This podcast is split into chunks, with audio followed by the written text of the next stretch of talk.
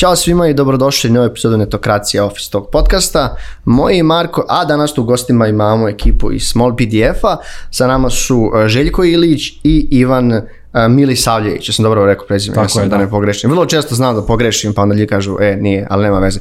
Momci, dobrodošli. Bolje vas našli. Danas negdje pričamo o tome kako graditi neku mobilnu aplikaciju, kako to izgleda iz vašeg Google-a, a, negdje ćemo ste dotaći k- neke stvari koji Small PDF radi, vaše kulture, kako izgleda kaže život u Small PDF-u, ali primarno pričamo o vašim proizvodima i, vi ste deo također tog mobile tima u Small PDF-u, evo za nekih sve pričali 120 epizoda, nismo imali priliku da pričamo sa ljudima koji razvijaju mobilne aplikacije, baš mobilne aplikacije. Pa hajde neka početak da krenemo, uh, ko su Željko i Ivan, uh, kako ste, otkud vi generalno uopšte u IT-u ili u programiranju, uh, kako ste odlučili za ovu karijeru? Ok, evo ja ću krenuti. Dobro, to je bio jedan manje više standardan put, da kažemo, matematička gimnazija, pa ETF, uh -huh.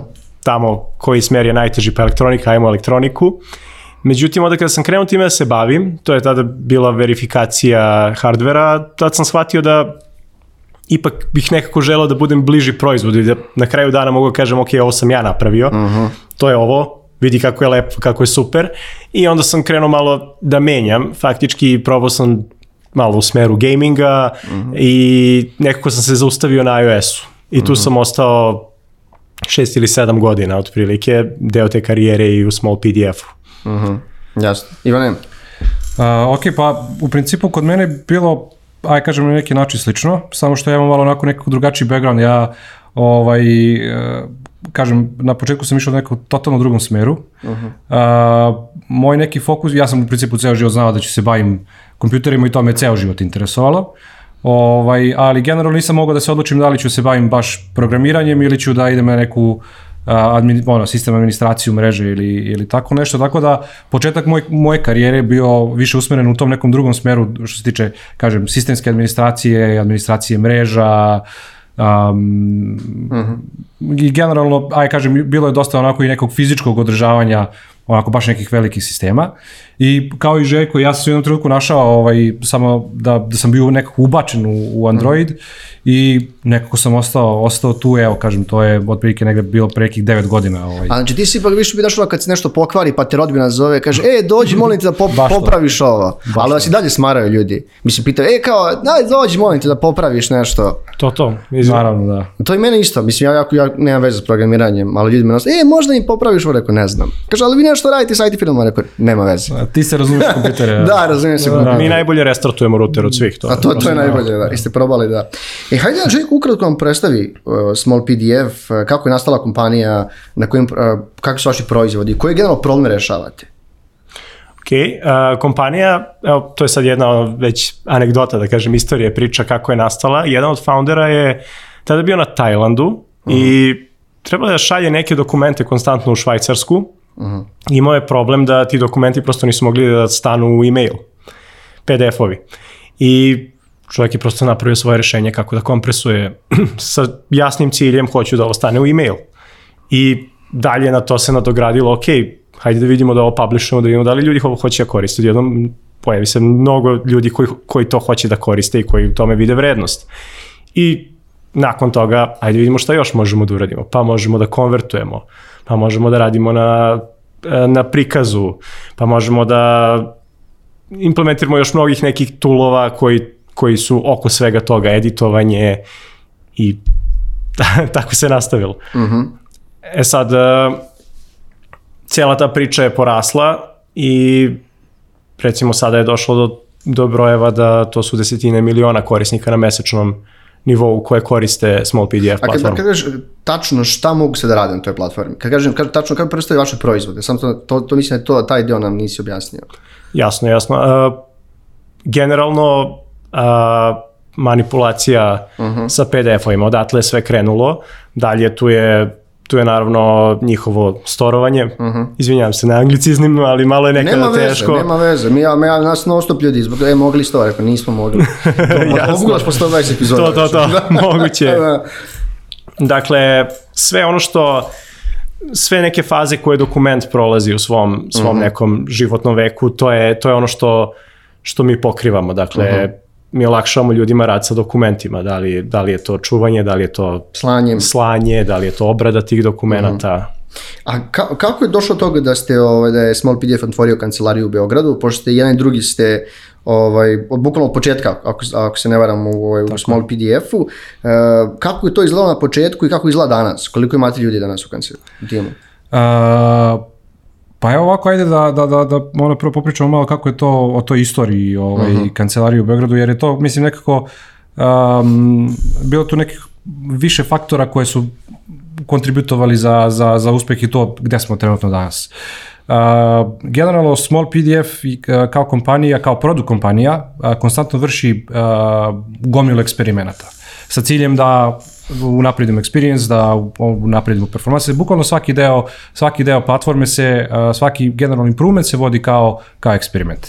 Uh, tako isto ovaj mobile team i mobile platforma je nekako započeta kao jedan eksperiment čisto da vidimo da li a, mobilni uređaj i mobilna platforma ima prođu na tržište, da li u stvari korisnicima treba a, a, podrška za mobilu za sve te njihove use case-ove za obradu dokumenta. A, tako da ovaj, u saradnji sa, sa Holy Kodom je oformljen a, Beograd, o, beogradski tim koji je bio isključivo za, za mobile. Mislim, i taj Small PDF je bio kompletno druga kompanija, drugačija kompanija, tada je bilo, u celom Small PDF-u je bilo negde oko 20 zaposlenih. To je baš rani dani.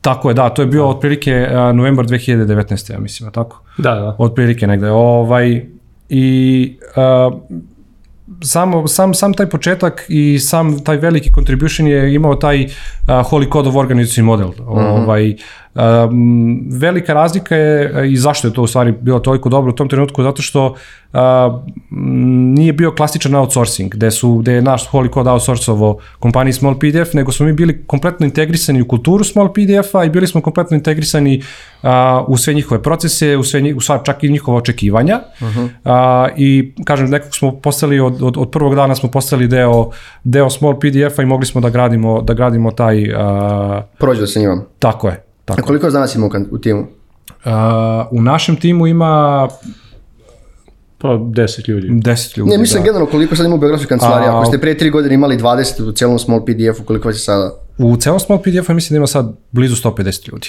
Da, to je dosta veliki rast, pogotovo u početku kad 20 ljudi vratno znaš sve. E, čao, šta radiš, kako si, ono, već 150, aha, neko nov je došao, ako nije za naš tim, manje više nas ne zanima.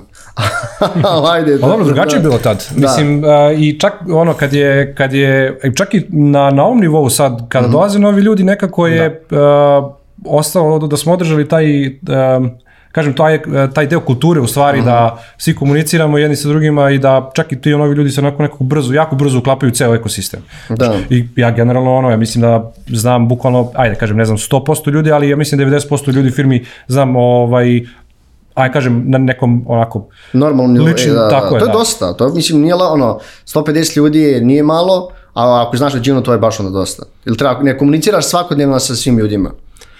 Nije svakodnevno, ali da, ima, ja mislim da tu isto veliku ulogu igra u toj koheziji načina koji ti ljudi dolaze, faktički taj neki uh -huh. hiring eh, koji propušta ljude koji su slični i koji imaju slične interesovanja na neki način i slične ciljeve. Uh -huh. Mislim da je to isto nešto što igra veliku ulogu. I to je baš bilo sledeće rađe. pitanje, pošto to u početku vjerojatno ste ono, pomagali da oformite svoj tim, da onboardovali nove kolege, ono, inženjere. E, kako izgledalo to na početku to zapošljavanje i skaliranje tima?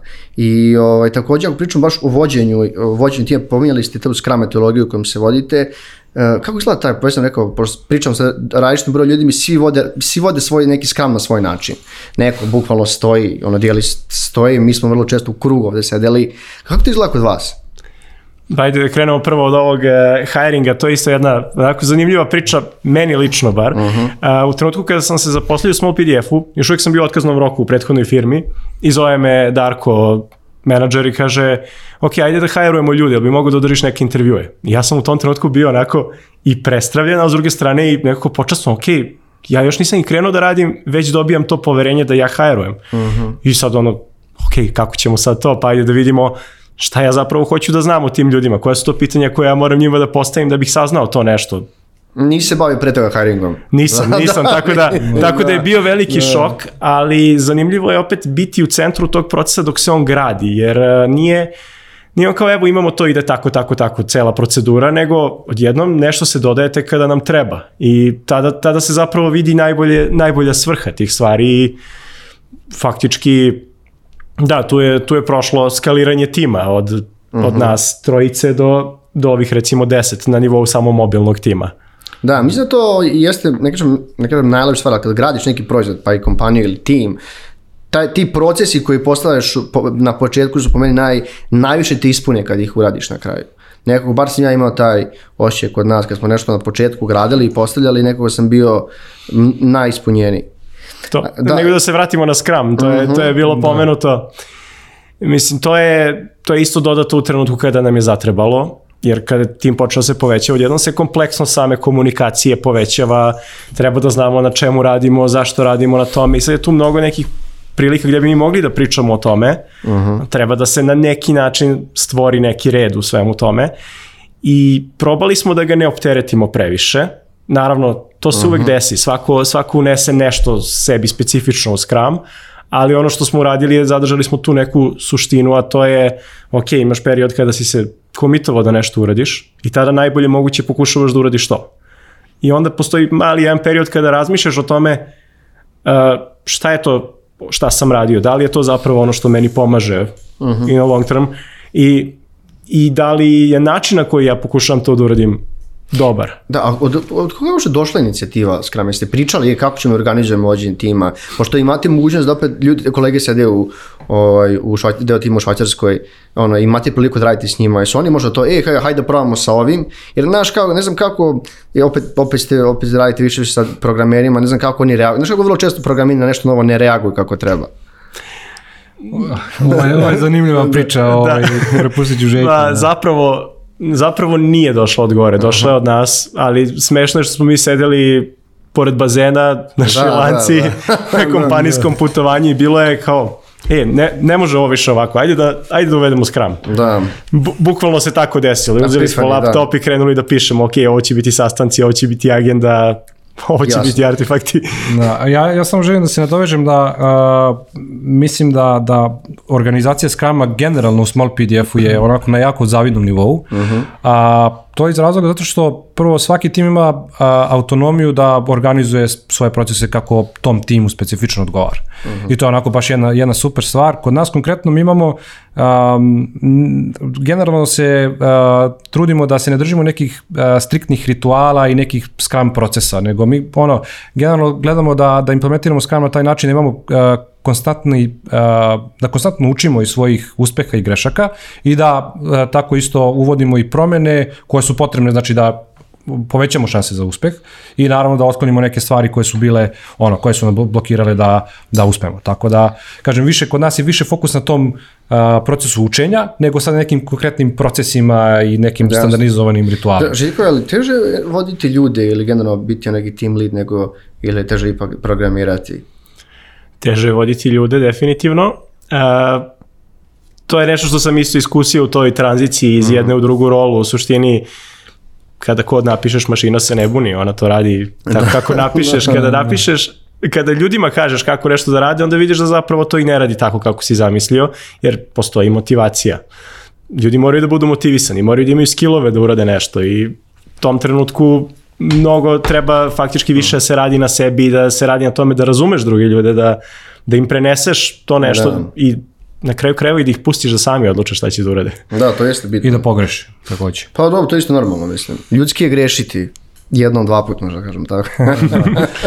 Mislim, isto ono, da, nekako povezano sa, sa, sa ovom pričom koju smo pri, ovaj, pričali pre, a, ok pogrešiti dokle god naučiš nešto iz toga. Uh mhm. -huh. Znači kad praviš konstantno iste greške, onda već da, to tu, problem, tu, da. tu ima neki problem. Da. Mislim, problem je verovatno druge neke prirode. I Ivane, ti si znači staff software inženjer u, ovaj, za Android. Hajde malo objasni šta tačno ti radiš. Koja je tačno tvoja pozicija u Small PDF? Uh, ok, znači, evo prvo za, za ljude koji ne znaju, stav software engineer je, uh, aj kažem, nivo koji dolazi posle, uh, posle tog uh, uh, nivoa seniora uh mhm. -huh. i fokus je u principu na, na dve, aj kažem, neke glavne stvari, a to su, uh, kako mi to volimo da zovemo, uh, product engineering, uh -huh. um, gde je u suštini, što se tiče tog programerskog dela, glavni neki zatak je pronalaženje jednostavnih rešenja na kompleksne probleme.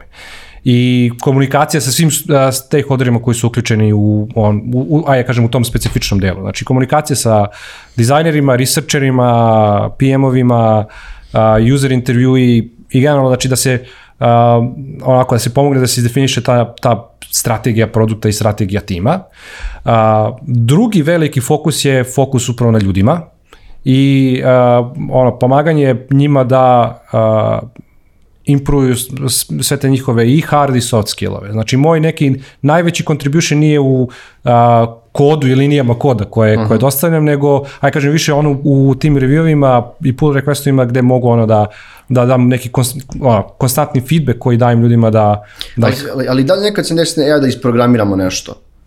ono, ili ipak ono, na, na, aj kažem na nekom, na ne znam, mesečnom, sedmičnom nivou, jer se desi nekad da 10-20% vremena kodiraš ipak nešto. Apsolutno. Da, Mislim, da. meni je, a, kažem, meni je a, veći deo posla je, a, mislim, aj kažem, trebalo bi da bude programiranje, uh -huh. ali a, kažem, m, ima, ima uh, gomila stvari koje, koje moraju da se urade pre nego što sedemo da kucamo kod. Uh -huh. I to je, kažem, gomila, gomila i researcha, gomila i pripreme i E, gom, ja mogu- analize da. gomile neke. Ja sad ću malo se ovo, samo ovaj, da se sa ove teme minut ćemo da se ovaj, odmaknemo. Si ovu staciju sa Twitterom i Elonom šta radi, kako na taj način otpušta ove ljude i bilo je fora da on, sad svi engineering menadžeri, baš si ti, moraju 20-30% vremena da kodiraju i da vode tim. Je to realno? Mislim, da li je realno taj, taj, taj nivo stresa da, da moraš 3, 20-37% da kodiraš i da vodiš tim od 20 ljudi? A, nije i mislim da čak i nije nije nešto što je efektivno. Da, to je slažem s tobom. A, zanimljivo je da recimo kada sam ja postao engineering manager, to jeste bila jedna od stavki u mom opisu posla, kao ok, kodiraš do 20%. I onda sam došao do, kod svog šefa, head of engineering, rekao, ok, ali ja ne vidim način da ja ovo radim i da ovo ima smisla. Šta je recimo problem? Ja mogu da uzem 20% tih nekih taskova i šta ako je to kritičan task i meni se desi mnogo nekih sastanaka, mnogo nekih incidenata koji mora se bavim. U tom trenutku ceo tim čeka na mene Da. apsolutno nema smisla da to radim. Da, mi, mislim, zašto sam pitao, mislim da ste vi dobri sagovornici na ovu temu, a bilo mi zanimljivo jer se zaista dosta dis, diskusija od toga, Da. a, ovaj, pa sam čisto želeo da e, proverim sa double checkujem sa Meni, vama. meni da. je to iskreno bilo šokantno kad sam, kad sam čuo. Znači, uh, prvo, uh, oni su imali taj prvi uh, increase koji, je bio onako skandalozan da, da uh, svaki engineering manager treba da menadžuje sa ne znam koliko je bilo, 10-11 ljudi na 20. Da, to je isto skok ogromno, to, To je duplo. neverovatna količina energije i resursa koje ti moraš da uložiš kao engineering manager da radiš taj posao kako treba. Znači, evo samo čist primjer, ako uzmemo jedan na jedan sastanke, ako imaš jednom mesečno sastanke sa 20 ljudi, to ti je 20 sati samo na, na to. Da. Znači, što je ogromna količina vremena.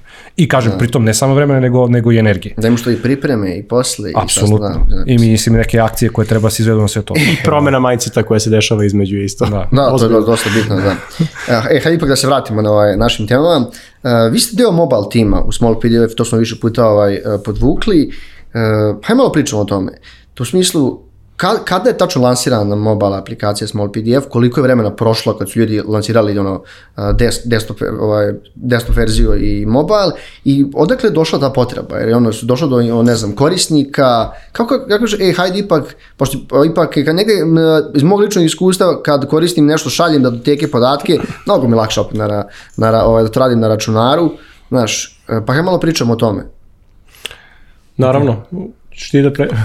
Pa, ok, mislim, uh, u principu uh, mobilna aplikacija nije bila lansirana kada je web. Uh, I mislim da je prošlo čak ono 4-5 godina posle, posle originalnog lansiranja weba. Mislim, web je nama ono, jedna od originalnih platformi i to je bilo prvo rešenje koje, koje, koje je bilo lansirano. Uh, za mobile, kažem, to je sve krenulo, kao što sam pričao malo pre, kao eksperiment, da vidimo da li uopšte to ima smisla raditi, da li, da li korisnicima treba tako nešto i uspostavilo se da je da je ispostavilo se da je to bilo u stvari nešto što je su korisnici jako lepo prihvatili i što im je stvarno generalno bio jedan jedan jedan veliki use case koji smo koji smo pokrivali. Um, Ja, ja bih tu skočio samo kažem o kom use case-u se radi. Zapravo, mobile je prepoznat kao dodatni entry point u naš sistem. Jer nešto što ne može da se uradi na desktopu je skeniranje. Jasno, da, zato da I- kažem. Ta potreba za bilo da je to arhiviranje fajlova, bilo da je nešto drugo što stoji za tog skeniranja je zapravo prepoznata i testirana kroz mobilnu aplikaciju. Tako je, da. I mislim, to je generalno bila originalna ideja mobilne aplikacije. Znači da imamo, da to bude u stvari companion app, uh, koja će biti, aj kažem, neka nadogradnja na, na tu web platformu i kao još jedan entry pointa kako ti možeš da kreiraš, dodaš te dokumente i da pokreneš taj flow na, na webu. Jer generalno, znači, ako odeš, ono, ako nemaš skener kući, malo je teško digitalizovati te Da, da, jeste, da. dokumente. Ovo je u stvari uh, mobilna aplikacija je kreira, znači daje ti dostupnost skenera ako, pod uslovom da imaš mobilni uređaj. Da. Tako da je to otprilike bio, bio jedan glavni razlog, ali kažem nekako je to uh, eksplodiralo u nekom ovaj, uh, mislim kažem videli smo da to ima apsolutno smisla su korisnici to, to Zadovoljni. prihvatili tako je i da smo i onda smo generalno mi krenuli da razvijemo u stvari da pravimo pravi e, nezavisni proizvod od svega toga Aha. Ovaj, koji ima opet, ono, e, generalna ideja je bila e, početi sa skenerom i, e, aj kažem, to integracijom sa webom, ali kažem, to ono, jako brzo smo prešli u da na, ono, napravimo ceo feature parity sa webom, da korisnici kompletno mogu da koriste samo mobilnu aplikaciju. I koli, jel ljudi dosta, ono, dosta ljudi samo koristi mobile. Ako imate neke rezultate, mislim procentualno, ne mora, ne, ne, ne interesuje, ako je, ne, ne znam, od 100% ljudi koji koriste small PDF ili 30% koriste mobile. E, ja bih rekao da je odnos zapravo hiljadu, otprilike. Recimo da su desetine miliona na webu, dok su desetine hiljada na mobilu. Mm. To je okej, da. Pa da, da. I, a vi ste nešto pomenuli ovdje, e, kad smo radili pripremu, e, da, da objasnite strategiju kompanije za mobilnu aplikaciju. Nije bilo jasno, pa sam baš stavio pitanje, šta se tačno tu misli? Jel, zašto drugačija je strategija razvoja ili čega tačno, odnosno na mobile, odnosno na DS, ili šta se tačno tu mislili? Ok, to ću ja da preuzmem. Da, to, je, ok. to je nešto da faktički smo naučili na svojim greškama. Dakle, nadove, nadovezuje se na Ivanovu priču o tome kako smo jurili feature parity sa webom. I problem sa tim je što smo u nekom trenutku došli do, do da kažemo, zasićenja, jer mi više ne možemo da pokrijemo neki specifičan uh, problem korisnika, jer pokušavamo da rešimo previše toga odjednom. To je problem tipa onog Swiss knife, gde mi radimo mnogo toga, ali ne savršeno, dok uh, sa nekim pristupom gde bismo radili jednu stvar, mogli bismo mnogo dalje da odemo. Takođe je mnogo povoljnije za marketing, jer ljudi tačno znaju šta traže. Ne traže rešenje koje će možda uspud da im reši to nešto što hoće, nego baš traže to jedno. I to je recimo sada promena koja se dešava na nivou mobilnog tima, gde faktički iz tog nekog a, sistema, iz te neke jedne velike aplikacije koja pokušava da uradi previše toga, prelazimo u sistem sa manje, a, sa više manjih aplikacija koje same pokrivaju faktički jedan use case i to nam otvara mogućnosti, kao što sam rekao, za marketing, otvara nam mogućnost da napravimo mnogo jednostavniji UI UX, što je zapravo jedna od Dosta bitna stvar. da. dosta bitna stvar, pogotovo za našu firmu i deo naše strategije da pokušavamo da učinimo korisnicima lakšim taj ceo proces. A, dalje daje čak neke prilike i na, i na teh, tehnološkoj strani, što je zanimljivo da mi sada radimo reuse koda između svih tih aplikacija, što faktički interesantan je pristup i interesantno inženjerima da se bave tim. Apsolutno, ovaj, mislim, ja želim samo da dodam da je isto uh, jako, dobro, jako dobar, aj kažem, nazvaću to strateški, uh, strateški potez, a to je opet na ono što sam pričao za, za, za znanje. Ovaj, uh, možemo da apsolutno lepo sumiramo ovo što smo uradili do sad i sa tehničke i sa produkt strane i da kažem um, naučimo iz svih tih dobrih stvari i svih tih grešaka koje smo, koje smo napravili u, u prethodnoj aplikaciji i da opet da primenimo sve to znanje za, za ovaj novi sistem. A, sve još jedna stvar, e, koji imate i aplikaciju i za Android, i za Android i za iOS. Tako je. A, ili, ili koliko ljudi, mislim, čisto opet, nije off to- topic, ljudi u, ipak više koriste iOS ili Android aplikaciju. A, pa na Androidu definitivno imamo više korisnika. Ok. E, Small PDF, znači im- pričalo se ima milione korisnika na mesečnom nivou. Koliko je teško, sad pričamo o nekom drugom delu aplikacije, kad se ono izgradi, koliko je teško održavati ovaj, takav sistem e, i koliko se te neki dnevni da, zadaci razlikuju iz dana u dan, pričamo o održavanju tog sistema. Pa dobro, mislim, uh, ja mislim da tu održavanje nije neka, ne, neka aj kažem, pre, preterano velika stavka, uh -huh. uh, zato što je pristup samo programiranju fundamentalno drugačiji od svega onoga što, što generalno vidimo ovde na tržištu. A to je ono, mislim, a, ovde prevladava outsourcing i, out, aj kažem, outsourcing model rada, koji je onako mnogo više a, nekako short term. Ovde kod nas, ono što mi volimo da kažemo jeste da je ceo development kod nas a, je maraton, a ne sprint. I onda, kažem, moramo da, da, da napravimo neki balans između um, um, tog product develop, mislim da budemo onako super produktivni i sa druge strane da to napravimo na neki maintainable način koji, koji će nam biti kasnije lakše da i da skaliramo i da upgradeujemo i da menjamo i sve ostalo. I takođe, koliko ste pričali ste, koliko ste puta do sada radili redizajna mobilne aplikacije, pogotovo što ste pomijali malo pre UX i UI i toga da ćete ići u neke onako, da, znači, da pojednostavite aplikaciju? Uh, evo ovako, znači, tu ima ovako neka jedna zanimljiva anegdota za, ovaj, e, za Android smo radili jednom redizajn. To je dosta malo. a, redizajn, a to je bio razlog zato što sam ja ovaj, bio da, dizajner, ja sam dizajnirao prvu verziju aplikacije Aha. za Android i onda no, naravno u stvari je trebalo neko da sedne da neko ko se bavi da. dizajnom, da. da, i da se ne da to, da, se, da to odradi na način koji je, koji je trebalo da se odradi. U principu... Uh, ali, ali rewrite nula puta. Rewrite nula puta, da. Da, da, da. Uh, što se tiče dizajna, uh, mislim, kažem, nismo imali ono kompletne redizajnove, ali to je iterativni proces. Jeste, I, da. znači, ono, generalno, uh, isto kako idemo, učimo, saznajemo nove stvari, saznajemo, otkrivamo nove probleme, tako isto im i ovaj Jasno, da. ono, nikad ne radimo ceo redizajn nego se fokusiramo na na e, neke znači, vi ste krenuli 2019 super tržište jako sve koje treba svi srećni dosta ljudi najbolja godina ikad i dolazi covid onako uvijek je bio haos ne znamo šta ćemo a hvala Bogu i sve prošlo kako treba. Koliko je COVID promenio proces rada u vašoj kompaniji? Ili ne samo sam proces rada, nego i ono, način poslovanja, rezultate? Mislim, kad vi god vidiš da ste porasli u te tri, preko je tri godine od 20 do 150, to je očigledno da je bilo, jeste imali jako pozitivan period iza sebe, a ja malo pričamo, pričamo o tome. E, naravno, pa rekao bih da je mnogo promenio proces rada, definitivno i mislim da je to i u većini kompanija se dogodilo na ovaj ili onaj način. Kod nas su, da kažem, dominantno bila dva faktora. Jedan od njih je taj enormni rast koji smo doživjeli. A zašto smo doživjeli taj rast? Prosto kada se način rada menja za druge ljude, kada je mnogo više distribuira rad u pitanju, mnogo je više potrebe za dokument managementom Jeste, da. i samim tim i naša aplikacija se nalazi na boljoj poziciji u toliko i to dovodi do većeg rasta i bržeg. Uh, S druge strane... To je više s biznis strane, moramo da kažemo. Da, s biznis da, da. strane, ali recimo taj taj velik rast dovodi do velikog zapošljavanja uh mhm. -huh. i samim tim skaliranje tima dovodi do skaliranja procesa i tu je nešto gde, gde se dešavaju ti ono da kažem growing pains uh mhm. -huh. gde mi faktički moramo da savladamo neke dečije bolesti i da, i da naučimo kako da, kako da kolaboriramo na novi način uz to nešto što se nikada pre nije dogodilo, sam način rada koji je bio da. više remote nego u kancelariji.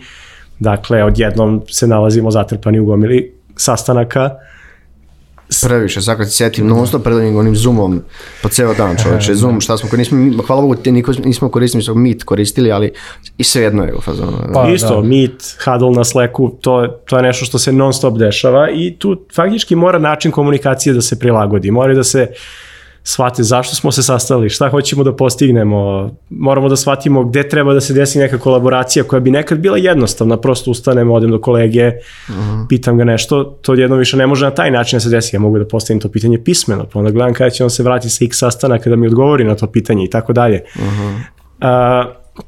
Tako da tu se desile velike promene a, i može se reći kao rezultat svega toga između ostalog je bila i reorganizacija kompanije, a, gde smo faktički prešli na neki model rada koji je sličan onom Spotify-ovom modelu, uh -huh. mada nije naravno po knjizi, što kažu da ne, ni Spotify ne radi po knjizi. da. A, I tu je faktički urađena reorganizacija da timovi više nisu platform timovi, nego da su produkt timovi koji su kao neki mali startupi koji su pod jednim hubom, da kažem. Da. da. I oni mogu da sarađuju, ali imaju veliku autonomiju, sami sebi postavljaju ciljeve, te ciljeve predstavljaju managementu, management te ciljeve odobrava ili challenge-uje i ti ciljevi budu faktički određeni i na njima se radi u toku kvartala. Da, znači neki, neki ipak ef, malo efikasni pristup da date više slobode timovima. Znači ako su tako organizovani. Ono, ono što sam takođe, što sam ja, ovaj, ono, kad pričamo o toj o korona periodu, uh, jeste se inače vratili u kancelarije svi ili dalje većinom jel radi remote? Uglavnom smo remote. Da, ono što, ono što sam prijetio, već, većinom senior kadrom ipak, ipak lakše su prošli tu tranziciju ka remote radu. Kad je neko tek ulazi u industriju, mnogo, po meni je mnogo bitno da bude tu da možda pita ljude i da uči, da brž pristup informacija kad ste zajedno svi, svi na jednom mestu. Uh, možeš da, ovaj, da nastaviš slobodno za, ali ako si imaš što kažeš oko, oko organizacije koja je tom, tom Spotify modelu, Pa ništa specijalno, eto mogu samo da kažem i ona priča o Elon Musku koju smo pomenuli u mom prvom opisu rada je bilo da ja kodujem, ali posle smo prosto neke stvari prilagodili usput jer smo videli da a jel se, pokazalo da se efikasnost podigla, da je lakše da se bude tako organizovani. Apsolutno, ovaj, um, po nekom, toj, po ne- toj nekoj li- linearnoj strukturi po platform timove koje smo imali na početku, a, glavni problem je bio da, taj dependency između timova. Zato što smo imali a, backend a, tim koji je radio samo isključivo backend, frontend i ostale timove. I onda, kažem, a, non stop je bila borba za resursima. Ovako, kad, a, kad, smo, kad imamo te um, domenske timove, Znači, taj, taj dependency između timova se dosta smanjio. I kažem, a, posao mnogo, unutar tima može mnogo bolje da se, da se, da se odradi i generalno ljudi su mnogo fokusirani na onome, na onome što rade i naravno tako i skače produktivnost i kvalitet samog tog rada. E, smo, smo PDF, pošto mi, ovaj, si ga smo prvi tekst sa Darkom pre par meseci i pričali smo o toj transparentnosti, što zaista rijetko, pogotovo na našem tržištu, ja znam par kompanija domaćih koji su opet mla, mlađeg tipa, kažem mlađe su i mlađi ljudi, mlađe rukovodstvo i slično, koji imaju taj pri, princip te pune transparentnosti. Kako to izgleda kod vas u smislu, kako ljudi reaguju na to kad neko dođe u, u kompaniju? Da ti otprilike on, on, on zna svoje zaduženja, zna sve, ali ti znaš i, tu, i, dru, i ovaj, tuđa. Kako ljudi reaguju na tu punu transparentnost? Uh, pa mislim da je, ono, to je prihvaćeno jako dobro. Uh -huh. um, ljudi su generalno mnogo um, mnogo svesni šta se dešava oko njih i kakav impact taj njihov rad ima na, na tu neku metriku koju oni vide na nekom ekranu. Uh -huh. I kažem, mislim, to je samo taj, taj, taj jedan deo ono, te transparentnosti kako fun kompanija funkcioniše, eh, kako uh, fun kompanija posluje to. Znači, kažem, uh, baš zbog, te- zbog te autonomije uh -huh. koja, koja je dozvoljena samim timova, jako je bitno kažem da, da, da, da se ima kompletna transparentnost i da se ima kompletan uvid u tome kako, kako akcije svakog pojedinca ovaj, utiču na, da, na da, to da se dobro. taj neki, ga kažem, veliki mehanizam što je, što je Small PDF. I, I to takođe dovodi do kulture gde se ne gubi vreme i energija na politiku. Uh -huh. nema, nema pakovanja, znači mi možemo faktički da jedni s drugima komuniciramo direktnije, da kažemo ok, ovo ne funkcioniše dobro, šta uh -huh. možemo da uradimo u vezi toga. To je, ja mislim, isto veoma važno i za rast, i za učenje, i na kraju krajeva za efikasnost. E, pomenući tu kulturu, ovaj, kako izgleda, ovaj, kad imate kancelarije sad u, u znači koga ja znam, u Cirihu, Be, a, Barceloni, Barceloni i da. Beogradu, nema još negdje, jel ta, tri, ta, ta tri grada? To je to, te, I za kako, sad. kako izgleda komunikacija i generalno između, ovaj, jel, komunicirate na dnevnom nivou, kako izgleda ta uopšte kultura kompanije, pošto generalno ste mali, a dosta se, mislim, 150 ljudi nije ni puno, nije ni malo, kad ste dosta dobro povezani, kako izgleda ta kultura kod vas i komunikacija između kancelarija? Pa, Ja mislim da je to nešto što je i korona, da kažemo, ponovo izjednačila, jer uh -huh. uh, mi smo remoti kad smo u istom gradu. Da. Tako da ne postoji neka znatno veća barijera da komuniciram sa nekim iz druge kancelarije. Prosto ako mi nešto treba, na isti način ću da to nešto tražim. Ako hoću da popričam sa njim, takođe, to je nešto što mogu da uradim. da, mislim, nekako mi, ono, ra, razmišljam sad o tome, nekako nam je business as usual, znaš, mislim, Da. nije, nije, znaš, ono, nema ništa sad specifično, ovaj, E, I također u pripremljenju epizode pomenuli ste OKR-ove ili Objective Key Result. Uh, ajmo, za one ljudi koji ne znaju, hajde ukratko nam predstavite šta to znači, kako, ih, kako ih vi pratite ili kako, ste, ovaj, kako je to organizovano u Small PDF. Ok, probat ću da odgovorim. E, Da kažem, to je jedna onako tema koja se menja. Jeste, naše da. shvatanje toga e, evoluira kroz vreme, da, i, i dosta je podložno interpretaciji. A, da kažemo, to je način da mi odredimo svoje ciljeve i da se obavežemo na njih u nekom periodu. I da možemo jasno da iskomuniciramo do čega oni dovode.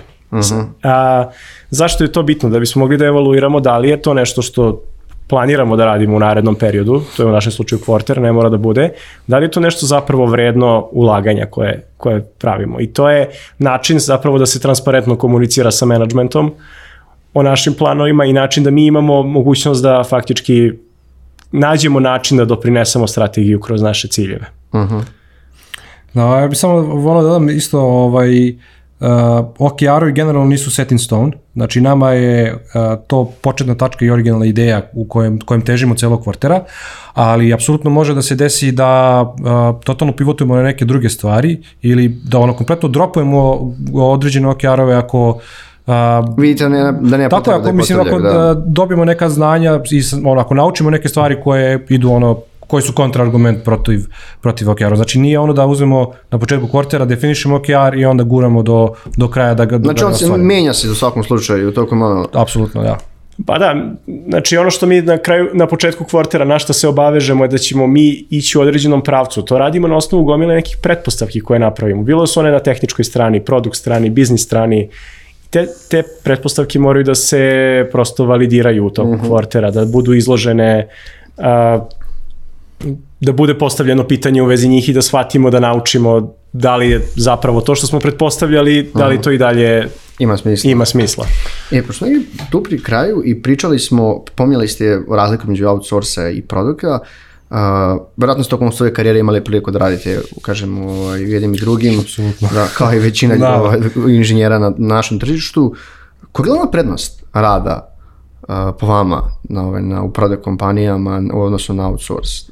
Da li to neka dublja ekspertiza ili što je, ipak ste mnogo više koncentrisani, ne skačete sa projekta na projekat? To je pitanje iz jednog i iz drugog, čisto da znate. Da. Uh, pa ajde već krenem, mislim, uh, rad u, u produkt kompaniji zahteva nekako totalno drugačiji mindset. Uh, kažem, pričao sam o tom balansu između da, tih nekih, ne, neke long term vizije i kratkoročnog rešavanja konkretnog problema. Uh -huh. I kažem, najveći challenge je u stvari nalaziti balans između, između ta dva. Uh, dok je kod outsourcinga ono, uh, dobiješ, imaš klijenta koji ti uglavnom sjedi na glavom, jel? Uh, ima neka, neka očekivanja, ti dostaviš to i ti si manje, manje, manje više završio. Um, kažem ovde konkretno kod nas u Small PDF-u je um, IOP kažem povezano sa, sa onom autonomijom. Um, opet mi moramo da, da, da imamo management i generalno uh -huh. kompanija ima od nas neka očekivanja koja su alajnovana sa, sa nekom uh, sa nekom strategijom koja je, koja je definisana. I uh, moramo jako da vodimo računa da uvek imamo tu strategiju u glavi i da sve što generalno radimo bude, bude alajnovano sa tome. Tako da tu ima onako -huh. ovaj, uh, mislim da je najveća razlika u stvari te, to, tog fokusa i tog šta je, šta je zapravo bitno i šta zapravo hoćemo da, Da uradimo. da, da uradimo. Da. Da, ja bih rekao, ponovo vratio bih na početak svoje priče, za, zašto sam i počeo da programiram, hteo sam da budem bli, bliže proizvodu, hteo sam da vidim rezultat svog rada. I u produkt firmi se to nekako još ekstendovalo, da ja faktički ne samo da mogu da programiram, nego mogu i da utičem na pravac gde će taj proizvod da ide. I to je meni jako važno, iz nekog razloga sad ne, ne dopada mi se da, da neko drugi donosi odluke umesto mene, a da ja onda samo sprovodim. Prosto to je, to je glavna razlika. Ovde, ovde mi imamo puno odgovornosti i puno autonomiju da uradimo stvari na najbolji način što znamo i da naučimo iz njih. Ja kad gledam sad generalno naše tržište i po, polako se, rađaju se prodaje kompanije. Može ne to, ne sam nešto u tolikom broju, ali polako ima pomaka odnosno, ne znam, pre, pre pet godina. Kad pričamo o našem takozvanom uh, beogradsko-novosadskom ekosistemu da. koji je tako nazvan. I negde za kraj, hajde pričamo o nekim planovima Small PDF-a za 2023. godinu, pogotovo za beogradsku kancelariju, a, da li ono, planirate neko širenje tima i da li zapošljate u okviru vašeg tima? Uh, definitivno, toga smo se već i dotakli sa da. ovom uh, strategijom mobilnog tima, uh -huh. sa, to je sada je to već mobilni domen, uh -huh. sa više aplikacija, u suštini je plan uh, trenutno radimo na jednoj aplikaciji, to jest spremamo se, počnemo. A, kada ta aplikacija dođe na tržište, postigne uspeh koji planiramo, u tom trenutku mi možemo faktički da otvorimo još jedan tim koji će preuzeti neku drugu aplikaciju. Ceo tim? Da. Da. Uh -huh. I to je ideja za skaliranje, da faktički više malih produkt uh, timova bude unutar tog mobilnog domena i da oni među sobom naravno sarađuju, jer da, deo da. tehnologije je deljen. Da, To- mislim, to- ja, ja sam samo teo Ti da... sam dodaš ili? Da, da, da dodam za, za ovaj hiring. Ovaj, mi trenutno imamo na, baš u našem ovaj, specifičnom mobile timu tražimo još dva inženjera koje su eto, koji će da nam pomognu da, da ostvarimo te naše ciljeve za, za 2023. godinu. Što se tiče profila, a, aj kažem, na, nama je kao produkt kompaniji, kao produkt timu bitnije taj uh, entrepreneurship i product mindset. Naravno, To jeste bitno, ipak je to skroz drugačiji način građana proizvoda. Apsolutno. Um, tako da, eto, to je otprilike nešto što... što, što Da, ali ako imate otvorene linkove, ovaj, linkovat ćemo u podcast ovaj, ka oglasima za poslove. A, Željko Ivane, hvala što ste bili naši gosti i hvala vam gleda- gledalcima i slušalcima što su ostali do kraja ove naše emisije. Netokracija Office Talk možete pratiti na YouTube i na svim drugim streaming audio platformama. Hvala svima. Hvala. Hvala što ste nas ugostili.